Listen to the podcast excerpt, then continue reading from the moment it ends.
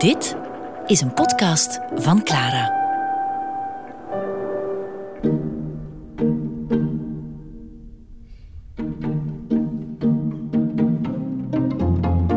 Breugel heeft een bijzonder traject afgelegd omdat hij een deel van zijn carrière in Antwerpen heeft opgebouwd. Antwerpen, de kunstenstad, de metropool, maar ook de economische hoofdstad van de Nederlanden. En het tweede en misschien wel rijkste deel van zijn carrière heeft hij in Brussel gespendeerd. Brussel, de politieke hoofdstad. Wat was de reden van zijn verhuizing? Dat is misschien niet zo meteen vast te pinnen, maar volgens zijn eerste biograaf Karel van Mander ging het dus om een huwelijk. Van Mander schrijft over hem dat hij in Antwerpen een vriendin had en die vriendin was een eenvoudig meisje, was eigenlijk zijn huishoudster. Hij was eigenlijk van plan om met dat meisje te trouwen. En dat zou toch wel heel ongebruikelijk geweest zijn, want dat is trouwen beneden je stand en meestal deed men dat niet. Dat meisje had een gebrek, ze praatte erop los, ze loog heel veel. En Breugel zou met haar afgesproken hebben: Meisje, dat liegen moet gedaan zijn. Hier is een kerfstok, een lange stok. Iedere keer als ik jou betrap op een leugen, zet ik een kerf. En als die stok vol is, dan is het huwelijk van de baan. Van Manders schrijft uitdrukkelijk, hij nam nogal een lange stok, dus hij wilde haar echt wel veel krediet geven, maar de stok was toch vrij snel vol. En dan is Breugel misschien beginnen uitkijken toch naar iets wat passender was. En dan uh, kwam de dochter van zijn vroegere meester, Pieter Koeken van Aalst, in beeld, Maaike Koeken. Die woonde in Brussel.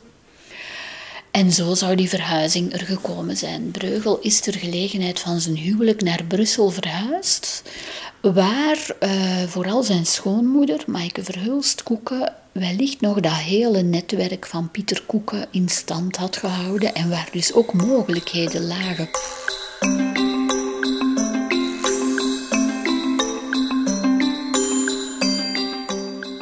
Brussel is nog altijd een Breugelhuis hè, in de Hoogstraat, in de Marolle, niet ver van de Kapellenkerk, waar Breugel getrouwd is en waar hij ook begraven ligt. Maar het is niet helemaal zeker dat Breugel daar echt gewoond heeft, want het enige wat we met zekerheid kunnen zeggen is dat dat huis in bezit is geweest van zijn achterkleinzoon, ook een hofschilder, David Teniers, de derde zelfs, geloof ik. Een andere mogelijkheid is dat Breugel nog meer in het centrum woonde, niet ver van het Bogaarde-klooster, in de Bogaardestraat, in een huis dat niet meer bestaat en dat toebehoorde aan de familie Koeken. Hoe dan ook zat Breugel in het centrum van Brussel.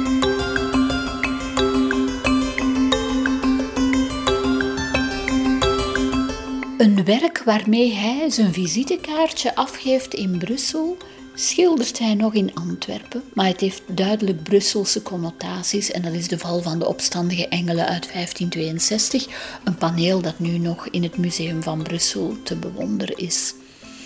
Een Brusselaar die daar naar keek, die moet onmiddellijk de centrale figuur herkend hebben, Sint Michael, de engel.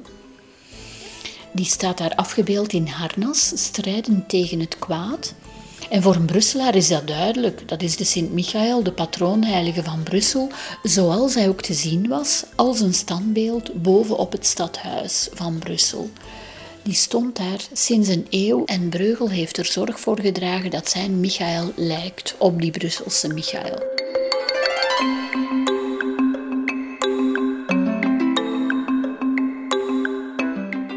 We weten dat de belangrijkste politicus van Brussel, kardinaal Granvelle, verschillende werken van Breugel heeft bezeten.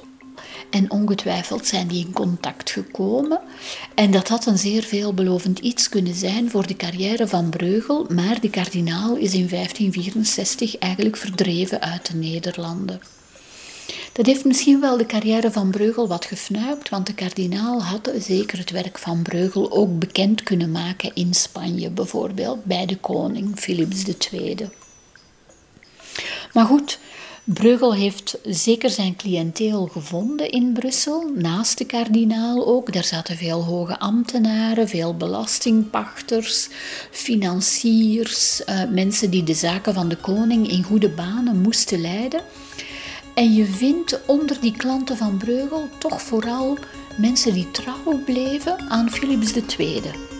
En dat contrasteert natuurlijk met het beeld van Breugel als geus of Breugel als rebel, dat door veel romanschrijvers gepromoot is. Maar in de realiteit vind je daar geen aanwijzingen voor.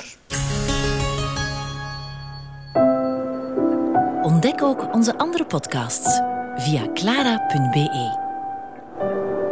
Clara Podcast. Blijf verwonderd.